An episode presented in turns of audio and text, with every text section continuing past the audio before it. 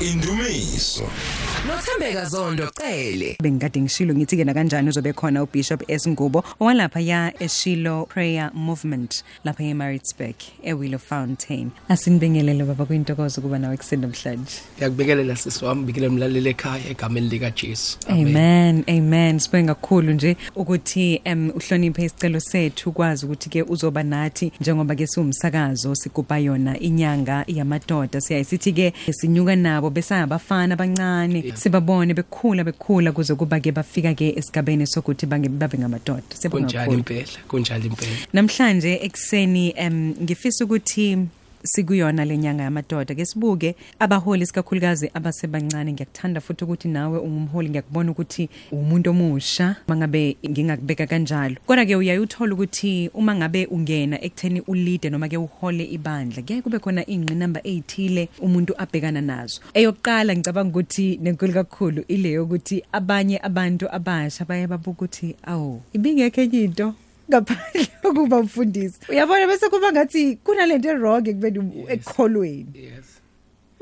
Eh kunjalo impela kunjalo impela. Ube ungazuthi uqashukele ulayini Yeah. mangabe kanjalo ngathi awazi ukuthi wenzani noma ufuna ukwenzani. Ngathi noma- usahlaba ikhefu noma sazobuya uzocasha yabona umuntu ongena kusasa ongazi ukuthi yini ekufanele ayenze ngasiphi isikhathi. wawusubona ukuthi ngcono uzoba umfundisi. Uyabona nje sesithe ngesikhathi thina esikholwe ngaso kule minyaka emidala sasine challenge enkulu Yeah. yokuthi kuthiwa abafundisi abancane. Yabo lento isihlukumezile esikhathi eside kakhulu ukuthi kuthiwa abafundisi abancane ngoba ngesikhathi siza nalamandla esinawo. Yabona Yeah. sinamandla si- Yeah. siyafuna Yeah. ukushumayela sigcwele uNkulunkulu sifuna Yeah. ukuphatha amabandla. Uma uthi uyafika ebandleni vele kuthiwa nje umfundisi omncane. Isikhathazeke lento ke isikhathaze isikhathaze uhambe lethi lenkosi sihlukunyezwa yilento kuthiwa sabafundisa abancane. Manje Umyalezo awusazi sinawo. noma umfundisi omncane ophethe umyalezo omncane noma umncane ngokweminyaka. Umthatha umyalezo wethu Yeah, mkhulu kodwa yeah. bathi umfundisi omncane. U- uvela uba ngokuthi kodwa ngoba nkosami lento engisho imali iyaphilisa bame ngokuthi ngoba wena umfundisi omncane. Size nezinto zethu zabefundisi abancane. Yabona kuthola ukuthi manje masifike ebandleni sifuna ukuliqala lapho ufuna uqala ibandla noma ufike ebandleni khona abafundisi abadala abangaphambili mawuthi uyangena bavele bathi hayi umfundisi omncane. Isigcina indaba yethu i- inyatheleke inyatheleke. Inyatheleke siwezwa amandla siluze ugcobo simuze uNkulunkulu. Kodwa lento ukuthi nje sibancane isinikeza Ihle- inkinga. kuhlale kuyistigma. Kakhulu kakhulu. So mangabe u- ubuka impilo yomfundisi mangabe nje umuntu eqala nje ethi ngumfundisi Yeah. Yabona yi- njalo nje kunaleyo nto ukuthi hawu yini ngoba ungenayo into ongayenza empilweni?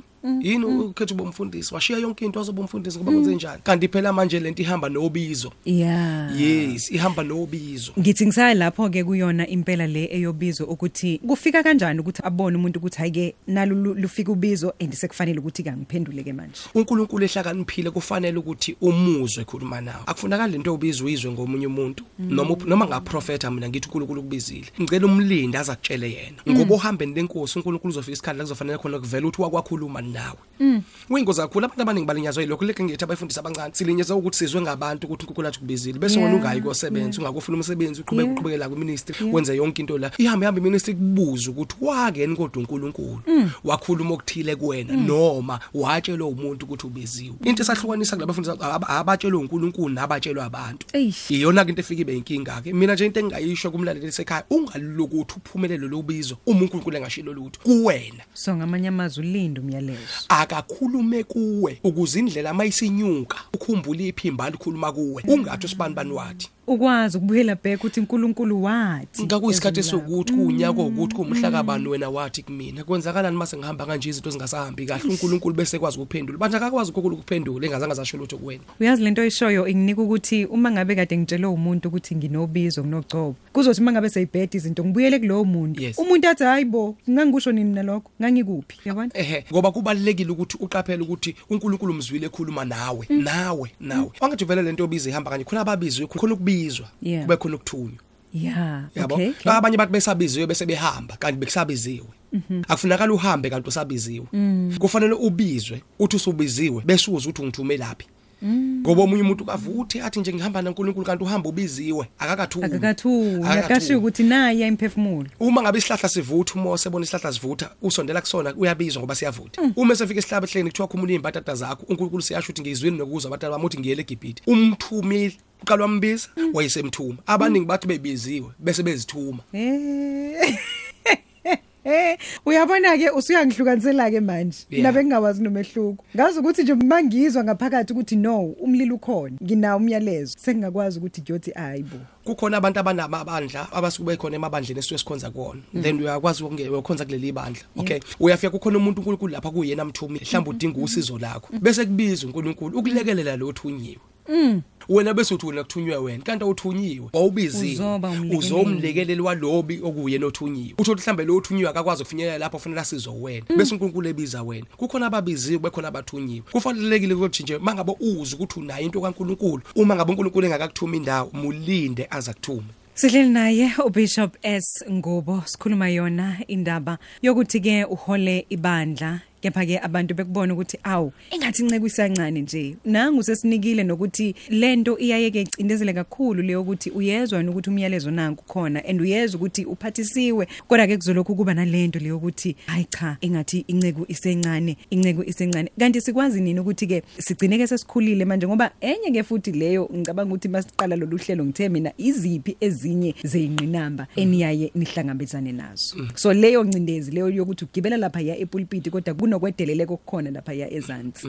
And ihlala ikhona leyo ncindezi ikhona futhi ikhona kwangempela ngendlela ukuthi kufanele indaba zakho uzazi. Uzazi indaba zakho. uNkulunkulu ukuthi ukubizile ngempela yazi ukuthi ubiziwe. Uma kuloku somandla kubizele kukhona. Ngoba vele bazohlala abantu bekubuza ukuthi awu umfundisi omncane awu umfundisi omncane.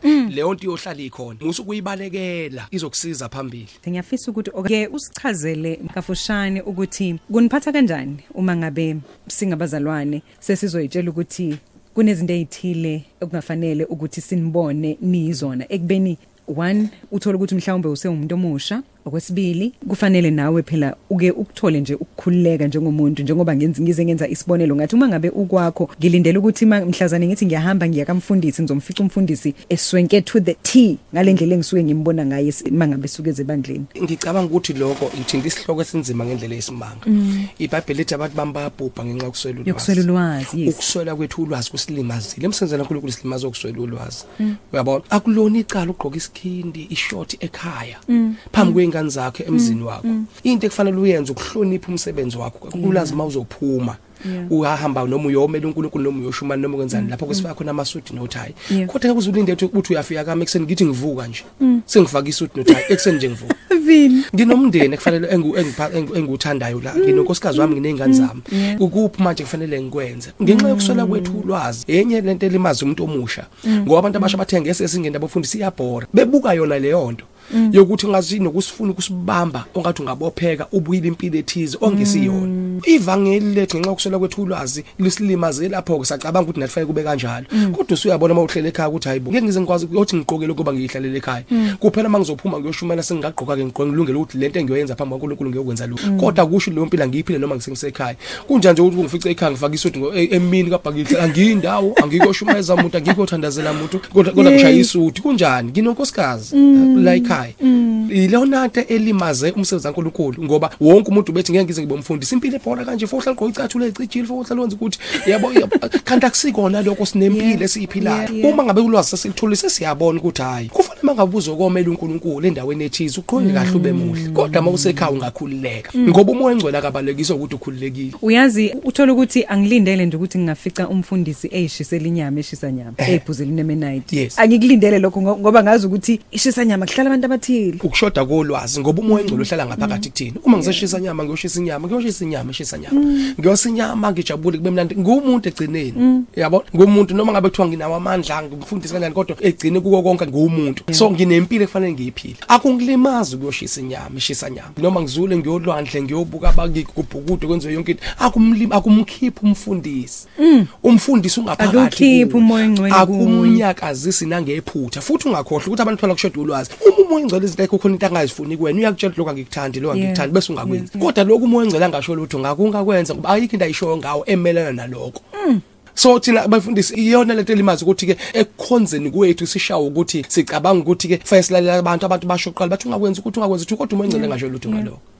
Kanti manje umuntu efase simlalela umoya engcolo ofanele asitshele ukuthi lokho angikuthanda umoya engcolo nje uclean. Uma into engayithanda akayithanda akaloke yalena le. Uyayisho lento engiyithanda. Ngamanye amazi kungenzeka wena sesuyenza into. Mina ngithi ngiyayenza ngaleli yabo? Indlela umoya engcolo asebenza ngayo. Ukuyena Yeah, uyavuma yeah. kumina uyangalela. Yeah. ubuka indlela yami nangendlela engenza ngayo athi wena ngeke uzikwazi ukwenza lokho bahamba abantu bathina sendaweni yokuthi soqoqa ukuthi avume kubona uthi wena uyakufaka akhuze kuwena umoya engcolo athi ngeke uzikwazi ukuyigqoka into enjalo uyathi uma ungizalayo uma ngabe into uyenza uzoshiwa unembeza ulahle unembeza yazi ukuthi iyisono kuwo angayenza umngane wakhe aqedi the fact that yena umlahlanga unembeza okusho ukuthi ayisisi isono A- akanti futhi anganacala yena ngoba yena umoya engcolo akazange azasho lutho kuyena ngalelo daba. Kodwa kumina ukhonta eshilo kumina. Wayikhuluma futhi wayigcwalisa wathi ngeke uzukwazi kodwa hayi wena. Kuphinde kube nalento ke bishop leyo ukuthi ipressure yokuthi njengoba ke manje sengizongena esigabeni sokuhola ibandla ngilindeleke ukuthi angibe uhlobo oluthile lomuntu. Thola ukuthi ngi- mhlawumbe uzongena nje awukagana kodwa nayi ipressure usuyayithola incindezi ithi mangabe uyinceke ukufanele ugane. Yes siya understand ukuthi ukuganwa nakho kubeka ezingeni elithile lempilo kodwa manje alenzeki ke yini iphutha lokuthi ngalesikhathi ifakwe incindezi nezehlukaniso ivele lapho?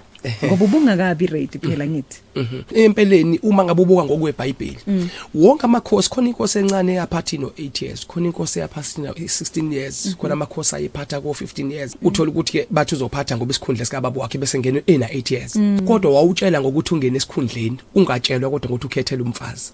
Wayengakhethela umfazi kodwa wayekhethela isikhundla. Yeah. Kodwa unkosikazi eh kube yakhe babemlinda khule ukuyikhethela umfazi. Ungavumi obizweni lakho lenkosi ukutshelwa ngokuthi thatha. Uma uNkulunkulu ekubizile ukubizile usebenza ngogcobo lukuwena. Eyokuthatha eyakho noNkulunkulu nesikhathi esifanele. Ngoba uma uthathiswa abantu uzothatha isikhathi esingakashayi kulimale lento uNkulunkulu athi ukubizele yona. Ey isilinyazo ukuthi usufaka umuntu one ongayiqondile into kuyona two ongayingeni indaba yayo. Afika inyakazise ke lento yakho ugcina isifile bethi hayi shuthi yayinge kanti yayikhona. Bakusondezela umsizi engeyena umsizi wakho. Aliseze ukugcwaliseka ke manje nezwe lithi okuhlanganiswa uNkulunkulu akungahlukaniswa umuntu. Alisezugcwaliseka ngoba lo akuhlanganiswa ngokuhlanganiswa abantu bekucindezele ukuthi usungathatha ubizo liyahamba noma ungakathathi. Ulinda isikhathi esifanele bese uthatha umuntu okufanele ugcina umthathile. Kufanele abazali nje kuloko umelane nako njengalokho nabo bemelene nokuthi awuganiwe. Nawe umelane nokuthi nami nithi angigane before time uma ungabe ungamelani ngoba lo muntu wakho oqala uzohlala naye endlini wena ozazi ukuthi bengingadinge umuntu mina ngalesikhathi uyabona ukuthi umjabulise lo muntu ukuze ube nesikhathi sakhe ngoba nendaba naye and ikuzofa lolu bizo othi unalo indlela engcono kungancame uma esasidini laNkulunkulu kunokuthi ume kulo kwakushiwa abantu uma nje kaNkulunkulu uthi inkosi uma wabona ukuthi awanginike umfazi akwanginikezi ngimile kuloko abangimukele nginje ngoba isikhathi sami asikafiki. Kun- iphutha elikhulu ukwenza izinto isikhathi singakafiki. Iphutha ongazuza ulibone. Ngoba lo muntu uyamthatha uzothi akaba unkosikazi wani uNkulunkulu ubize wena ngithi ubizo lukwena lo muntu uzoseva phansi kogcobo lo bizo Yeah, bethi besuke athe ngena ma umpostoli athe ngena sebethi naye umama umpostoli. Hey, Nkosi yami. ngesikhathi bathi umama umpostoli akanalo ubizo lobupostoli akahlangene nabupostoli lo. Ey. uzoseva ngaphansi kwakho njengendoda. Sebezomfaka umntana abantu Sebemnikile. leqale anganayo bemnikile nangayazi umpostoli umama umpostoli sekufanele azame ukuphila ubupostoli angabazi obazowena obiziwe. Lapho ucobodo akanagcoba akanalutho. Ayikho imetha. Akukho ngishoni. Oh Nkosi yami. Uyazi Ey u- unginikeza isihloko futhi sangelinye ilanga. Leyo ukuthi ngiyafika ngizoba un- unkosikazi wenciko sengizolindeleka ukuthi ke nami angishisa impela. Uthola ukuthi lapha ang- angidlenga amavesi mina. Akufuneka nokuthi ngize angikwazi ngisho ukushumayela uGenesis chapter lapho chapter 2 verse 18 ngizokwakhela umsizo njengawo alright akuhle ubendoda ihlale ukhuluma ngomsizo uNkulunkulu akakhulumi ngomshumayeli. Empeleni bengivele ngeze ushado umshumayeli. Bengizoshada unkosikazi. Kodwa ke nawo ipressure ezovela kubazalwane ukuthi phela nje uganinceke. Nawe ke hamba uye lapha phambili. Sishumayezi ila sebemlimaza khonako uzolimala phela lo muntu ngoba ukushumayela kanako akukho ukushumayela kuyena futhi akabizele ukushumayeleni in fact uNkulunkulu bembizele kumina njengendoda ukuthi agade mina njengomnyeni wakhe. Uma ngabe ugcobo lo lufika liyifikele nje. Uma lungekho futhi alukho futhi akunacala ukuthi akakwazi ukushumayela. Futhi ayikho into errong ukuthi akusupport nje nihambe niye enkonzweni naye afika ube umzalwane kanye nabanye abazalwane. Impela nje iqiniso vele limlapho. Limlapho nje kuwekufanele vele ngabe kunjalo. Fe ngabe nje yena ulekelela wena ukuthi wenze lento uNkulunkulu akubizele kuyona. Uma uNkulunkulu emupha ugcobo kube ukuthi uyamupha nje. Yeah. uyabona? Kodwa futhi angalilweli ukulithola noma Kungabi into lungekho. empoqo. ehe ngoba uzoba inkinga mangabe ufuna ukulithola noma lungekho. Akufunakala vuma ucindezelo abazalwane ngoba yena ugane wena. Fanele yena asubmit ngaphansi kwakho. Bese uba wena oy- o- o- umbona ukuthi hawu ubandlu yasimama ogcobeni ngathi kuyangena kuyangena. Bese umnikeza ama chance lokumkhulisa uyikhulisele wena agcine sekhulile uma ngabe uthanda. Kodwa futhi akulona icala ukuthi akakwazi kusho ukuza lutho uyaya nje enkonzweni afika ahlala kokhonza ephuma hamba ekhaya akulona icala. Hey madoda. Akulona icala. Hey u- kuyibuke ngempela lento ukuthi eh madoda khona ke ngaqala ngithini? Vula nje cha usuyoma phambi kwabantu uzame uzame ugcina usucabana nabo ngoba ushiya into ezingekhona ubizelwe kulento exactly. And Ungakhohlwa. uyazama nkosi yami ukuthi fika nawe ufuna ezingeni ukufinyelela labathile ufuna ukufinyelela. Hayi uthola ukuthi awukwazi ukufinyelela awukwazi ukufinyelela. Futhi ngeke uzofinyelela kumkukula akubizelanga kuloko eish. Ngicela ukuthi sithathe ama voice notes abalaleli abese ke siyabuya futhi siqhubeke nengxoxo yethu. Em nangumlayeli wethu wokuqala.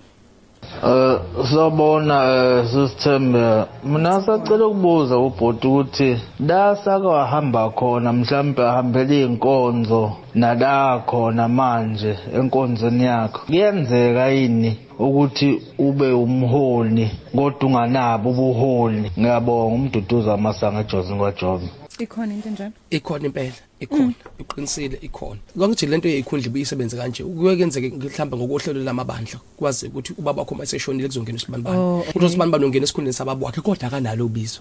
Futhi nento obufundisa ayikho kuyena. Kodwa ngenxa ukuthi ngoba ibandla lasekhaya lasemndenini bese ngena kanjalo so into ekhona kuyenzeka. Kuyenzeka umuntu abe umholi ebandla kodwa ke nayo into inhliziyo ngisho inhliziyo yobuholi. Inhliziyo yokuba umholi akanayo. Kodwa ukhona esikhundleni sokuthi angabe umholi. Kuyenzeka. Okay ake sizwe futhi owesibili. Amen Mazondo kanye nomfundisi umhlonishwa lapho ungubo ngithi nje angibonge kakhulu ukuthi akwazi ukuchaza le ndaba yobizo ngoba kunabafundisi abajaha ababi abathi babiziwe bese beqala beyithuma yebona ngoba ngabe bacela uNkulunkulu abathume ukuze benze umsebenzi. Uthola umfundisi esenza esengena ezilingweni ezimbi bese kuba emosha igama labafundisi. Abese umfundisi engena kwizinto eziningi kanti ugcobo lwakhe nobizo lwakhe uNkulunkulu akakafanele ukuthi ambize kulo. Sengathi nabanye abafundisi bengafunda kuleyo ndawo. Ngiyabonga amazondo nombolelwa kwamthemba enkonjeni kwangilazi ngisePretoria siyabonga kakhulu. Uqinisile kakhulu uqinisile. Ngicela mhlawumbe nginabe kulokhu kafishane. Izinto ezibalekile uma unobizo likaNkuluNkulu usuke uluzu njengoba sike sachaza qala ukuthi izwe ukuthi uNkulunkulu ukutshelile ukuthi uyakubiza.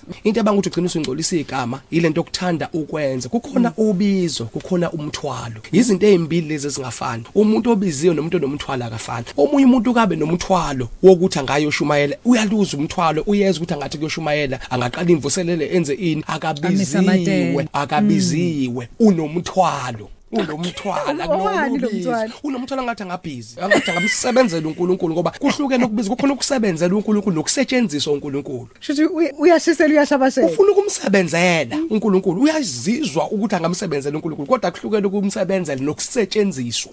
uNkulunkulu. uNkulunkulu. Manje abantu abaningi basuke bamsebenzele bengasetshenzisiwe. Yabo? Nobizo kuyenza umuntu abe nomthwalo ongathi angababhiza aqala imvuselenze yonke into ungazokhala na uthi usibani bani ubizo uNkulunkulu akambizile. Ukuthi unomthwalo. In fact kwakufanele lo muntu asize lo obiziwe. Kodwa ngoba uncothi akekho umuntu ofuna ukusiza omunye abantu bafuna ukuyimela bona agcine sephumile naye sesebenza izinto ezibalekile kubuke ukuthi kubhlunga kanani ngoba ngesikhathi nomthwalo lungekho ubizo akafuni kuya kamlungu akafuni kuyosebenza. Akafuni uqala inkampani uthi nje yena unomthwalo. Uthi unomthwalo yena nje uno- unobizo athi unobizo aphambanisa uyazi nje aphambanisa uselapho enye ke yeinkinga Yes. em, ezikhona Yes. kulabafundisi abafikayo kwi-ministry. Uthola ukuthi umuntu usethi ke mina ngiyakholwa mina ngingcwele mina nginogcobo mina nothing else ayenzayo. Iphuthe esilenzile. Ukube nami mama nami kube kuthiwa ngayifunda lonto kusenesikhathi ngabe umuntu kude sasicabanga ngithini ukuthi kanti ukubizwa lokhu nokuba kweminister akwenzi ukuthi ezinye izinto ungakwazi ukuzenza. Yebo. ngifuna ukuthi kumlalele ekhaya musu kuye kumsebenzi uNkulunkulu engashilo. Musu ukuthi ubiziwe uNkulunkulu engashilo. Ngoba uzongakuprovide uNkulunkulu into ayibizile uzoyimela uma engayibizile uzongayiprovide uma engayiprovide uzoshayeka ngoba unefamily efana uyinakekela and wena waye kuye emsebenzini. Uqala uthuke yena futhi Ah, eh, uNkulunkulu. kufana nokuthi uthi ubi- noma ubiziwe hamba osebenza akakukhiphe yena ka- la usebenza khona. Uyazi yini futhi emnandi? Uma ikhiphile. Na kanjani uzokunikeza provision uprofeti lithi iBhayibheli wathi ngekhulu ukuthi uNkulunkulu wathumela amagwaba abamlethela ukudla. Yeah. akakwazi ukuthumela amagwaba bawo ngoba usuke ethi wena fanele ngabe usenkampanini ukuthi uyasebenza wena kodwa ulana uthi wena ubiziwe kodwa ufuna ukusebenza. Ubizo akube ubizo kubantu ababiziwe. Eish. omunye hamba osebenza ungakwazi ukuqhubha obizo lakhe enkosini nokusebenza. Kulungile usebenza. Ukwenza kokubili. eh, ukwenza kokubili. Usebenza uqhubha ibandla uqhubha ibandla usebenza. Kodwa musukulenza iphutha lokuyeka emsebenzini usomandla engashilo. Uthi sengibiziwe. ungalokothi futhi ngathi ngakhuluma nomlaleli ekhaya ngikuncengisisa ngobele bukaKristu ungalokothi uphumelele uNkulunkulu engashilo lutho. Ungalokothi uye kumsebenzi uthi uphumelela lo hambo uNkulunkulu engashilo lutho. Ngoba ngesikhathi kusaqala kubalula kuhambeke kalula kungathi kuyavuma. Kodwa mayizothi mayindlela inyuka iqala ukusinda bese kuvela indaba ukuthi hayi ufike ngabona ukho la ufike ngabuka kamlungu yasebenza manje umuntu obiziwe makube ukuthi ubiziwe futhi uphumele ubizwa ngempela uNkulunkulu akubize ngalo. Uma engashilo lutho faka iCV uthola umsebenzi usebenza uqhuba ubizo nokusebenza ukubhange kokubili ukuze ukwazi ukuvusa umsebenzi wakho la kwaNkulunkulu ngoba uzathi uPaula kwabanye ngathatha imali kwabanye ngasiza kwabanye. Yebo yebo. Ubese ethi ke impilo yami yonke iyasebenzela izinswelo zami uthi ngathunga amatende uyabona kusho ukuthi uthe biziwe kodwa wayethunga amatende lingozi kakhulu leli vangeli abantu ababiziwe abangafuni ukuthunga amatende Eyi. angikwazi ukuthi ungathi ungitshela ukuthi ukhuluma ngobizo kodwa ukwazi ukuthunga amatende awuqala ibhizinisi awuzama ilutho Uhleli nje unethezekile. ujabule. Ungathi ujabule yazi ujabule ujabule uhlela wenza ilutho la ubizweni ilona phutha silenzile ingakho ama inkonzo eziningi ezabantu abasha nabafundi zasana basebancane zibula ukuthi abafuni ukwenza lutho. Abafuni ukwenza lutho abafuni ukwenza lutho. Bayaseva nje kuphela. And guess what? uNkulunkulu uyabavusa abantu. Abavusela abantu abazoba support. Athi uNkulunkulu nathi opportunity thatha. Athi lo hayi mina ngibiziwe lento izothi isikhathi sami isikhathi saNkulunkulu. Kuyena uNkulunkulu oletha lo lothu bathi thatha lento ukuze ukwazi ukuthi kusize ngeke iministry kuphela izikwanelisa igcwalisa zonke idingo zakho. uNkulunkulu uzoyivula eminye iminyango emaceleni thunga amatende bills akhokhwayo la ekhaya thunga amatende uPaul uthi uthi ngithunga amatende indlela zenkulu ukuvutha nevesi kodwa itende lingathungwa abathunga amatende labazalwane okusho ukuthi nje umuntu nje uvutha nevesi kodwa awukho umunye umsebenzi ayenza iseceleni Lelo khozi FM mangabe ke usanda kusijoyina kulona lolu hlelo sikhuluma nje em sibheka ke namhlanje sikuyona inyanga yamadoda. Sibheka ke inceku leze ekuyayithiwe ke basebancane basafika ekutheni ke bahole amabandla kodwa sikutholayo namhlanje ku Bishop S. Ngubo kukhulu kakhulu and sifunda lokhulu yazi umuntu uyaye kwesinye isikhathi ngokweminyaka uyabe emncane kodwa uthola ukuthi isigaba uNkulunkulu ambeke kusona sikhulu kakhulu. Nezindaba ayiphethe uthola ukuthi zinkulu kakhulu. Ngizothanda ukuthi siubheke ama tweets nje amabili amathathu abalaleli. Umfokazwane uthi ke masikhangane kanye ke no Bishop ngiyabingelela ekseni uthi ke bengicela nje ukuthi kuzona ingceku lezi eyisencane kungazidingibalisi neze okusuke ke kushiwo. Abakhumbule ukuthi no Jesu Christu waqala eneminyaka emingaki ukwenza umsebenzi kaNkuluNkulu. Athi ke Sebenzi wona ke ocacisayo ukuthi ke umuntu yini ayiphethe. Kanti ke ubuthelezi lapha ya endanyana uthi ke na hey wazi walikhuluma iqiniso umfundisi namhlanje. Wasitshela ke amaqiniso abanye bethu esingafuni neze ukuthi siwezwe. Ngifisa ukuthi ke ukhulume nendoda sisenyangeni yamadoda. Amadoda alimele kakhulu. Sithe uma ngabe siliqala lolu hlelo sathi uma ngabe ukholwa uyabukeke njengomuntu mhlawumbe osenza into yesikhashana. Khona la sazoya khona khona la sazophapha makhona limela amadoda and amanye ayasaba nokuthi aveze ukuthi ayakholwa ngani ngoba sengilahlila ngisenaso isitayela. Sikakhulukazi siphile ezweni lakho na kunezintombi kunezinsizwa kufanele ngibonakale nami ukuthi ngisesitayeleni. Yeah. ake sikhulume nawo amadoda ekseni into engayisho ngam- emadodeni indoda uNkulunkulu uyayihlonipha uyayithanda indoda uNkulunkulu uyayithanda. Uma indoda inquma ukwenza into eshiwo uNkulunkulu leyo ndoda iyoba nekusasa eqhakazile uma nje inquma indoda ukwenza leyo nto eshiwo uNkulunkulu uNkulunkulu uyoyenza ubuka nje uma ngabe indoda yenza okurong uNkulunkulu wenze njani? uNkulunkulu uthe bangadli emthini wakhuluma nendoda. Yebo. Ukuthi lo muthi lo ningawuthinti uma ngabe uEva sekuyena onikeza uAdam isithelo sebeyasidla uNkulunkulu akayi Eva uya kuAdam. Buyela lo, uNkulunkulu ngoba wakhuluma naye. uNkulunkulu wakhuluma noAdam. Ngamanye amazwi uNkulunkulu phambili kube indoda kube uEva. uNkulunkulu kube indoda kube uEva.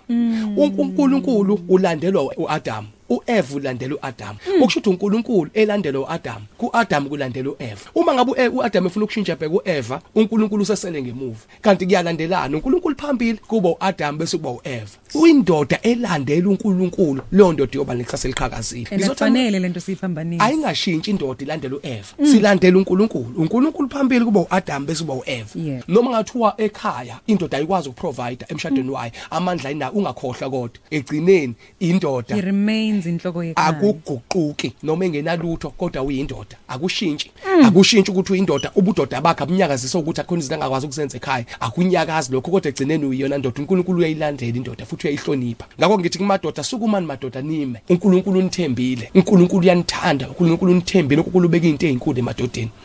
uNkulunkulu uzonyakazisa lelizwe lonke elinyakazisa ngamadoda. Uma amadoda engasukuma alandele uNkulunkulu. Yiki ngekhona nje siswapha ukuthi siye ukulandela lo. Kanti futhi silandele uNkulunkulu. Bese Sihlule umyalo. Kanjani? That's why no Eva bengakwazi ukusilandela ngoba nathi asimlandeli uNkulunkulu. First landela uNkulunkulu bese kuba yithina bese kuba uEva. uEva kulula uthi alandele indoda elandela uNkulunkulu. Kulula kulula kulula. Uyilandela one way uma ngabe eyibona leyo ndoda ukuthi leyo ndoda iyamlandela uNkulunkulu. And akulula futhi ukuthi uEva isuse ekukholeni uma ngabe ibona ukuthi iyamhlonipha uyamasaba futhi uNkulunkulu. Akasoze kunalokho kuyovela namathele kuyona uEva. Aninamathelisa ukuthi uyayibona le ndoda iyamesaba uNkulunkulu. Oh. Lelo Khosi FM besikhathi sikhuluma naye ke uBishop S. Ngubo. Kukhona mhlawumbe la enkundleni zokuxhumana bakwazi ukuthi abaleli beKhosi FM bakhulume nawe noma sekuthiwa ke seliphelile uhlelo? Yebo bangakhuluma nami lapha ku Facebook usikhumbuzo ngubo. Then bese kuba yiWhatsApp okay ekhona. Salusu sipha ke ikhathi zokukhonza lapha ya ebandleni? Lapha eWilo futhi singena ngo9 siphume ngo11 bese kuthi ke inkonzo zantamba masingena ngo3 siphume ngo6 ngamasonto. Yes ngamasonto. Ngiyalithanda leli gama laseshilo livele lingikhumbuze uHana owayelokhe yenjalo eshilo naye yobo elokhu enjalo elokhe yenjalo yobo wayanjalo aneshilo eyobonga uNkulunkulu abonge ngenalutho. Hey. Kodwa aqhubeka yeshilo ngoba uyeshilo ngoba unento. Uyeshilo ngoba uyobonga noma ungenalutho. And unethemba lokuthi kusazokwenzeka. And uyamdinga uphenina lapha eshilo. Ishila imnandi uphenina engekho inamandla ngoba uphenina ekhona ngoba uhana ngaba kamthola ngumntwana kuba uphenina wayengekho. ungasheshi ubaleke makuvuka uphenina ungasheshi ushiya ibandla uthi bayangilwisa kanti ukuthi uphenina uyena ozokhipha lengane uSamuel ukhona kodwa uzoletha uphenina ungayeki futhi nokuyeshilo hamba nayo uphenini iyeshiya hamba naye. Nama thele duze kwayo Yeah, afika akunyakaza sekhona eshila kodwa nge- akekho unyukela entabeni yaseshila abuye efana. Akekho. Andimvamisa izinto eziningi empilweni siphushwa izitha siphushwa inkulumo ezinegative abese kuthi ngifuna ukuba prove wrong. uNkulunkulu uyayithanda impi siswami uyayifuna. Uma wona ungayifuni impi uNkulunkulu omkhonza uyayifuna yena. Unamandla ngoba kukhona impi. Isempinda inamandla khona. Uma ubalekela izimpi uNkulunkulu ngekazavele uvela ngoba kunezimpi. Uyayifuna impi. Uyayilangazelela mlaleli ekhaya. Uyayifuna. Uma wona ungayifuni impi yena uyayifuna. Ngoba ila inamandla khona ngoba kukhona impi. Nokuziveza ukukhuluma kwakhe uzovela. Uvela athi nje nguJehova wempi. Angikiyeke bishop. Angikiyeke ngiyophinde ngikumeme nangelinye ilanga. Sibheke kakhulu kuba nawo hlelo lendaba ngiyabonga kakhulu ngiyabonga kakhulu uNkulunkulu akubusise ngabe ngenza iphutha elikhulu ungasasivalelanga ngomkhuleko sikakhulukazi nje sikuyona inyanga yamadoda sinenceke studio ngicela ukuthandaza nomlaleli babe egameni eligcotshwe inikezwe amandla elingaphezulu kwamagama wonke ngikhulekela wonke amadoda ngikhulekela lonke ibandla ngikhulekela yonke iSouth Africa. Ngithi somandla sikhumbule. Uma ukhumbula indoda konke kuyonyakaza kubuyele endaweni yakho. Ngiyathandaza moya ngcwele ngokukholwa ukuthi wonke umuntu olalele akabe ngobusekile aphakanyiswe uJehova kokula kaIsrael ungavumi nabo ngisho emandleni esitha kodwa sukuma Jehova wempi ume ngenyawo. Kuhlakazeka izitha zethu zingayitholi indawo. Mayizohlasela thina zibe emnyameni zingakutholi ukukhanya ngoba ona Jehova kanye nathi. Baba sibiyele sigcine sivikele. Silondoloze isandla sakho sibe phezulu kwethu. Konke sikuthintayo akube ngokubusekile ngegama elihle lomfuthu uJesu Kristu owafa wavuka namanje laphakade amen. Indumiso. Nothembeka Zondo cele.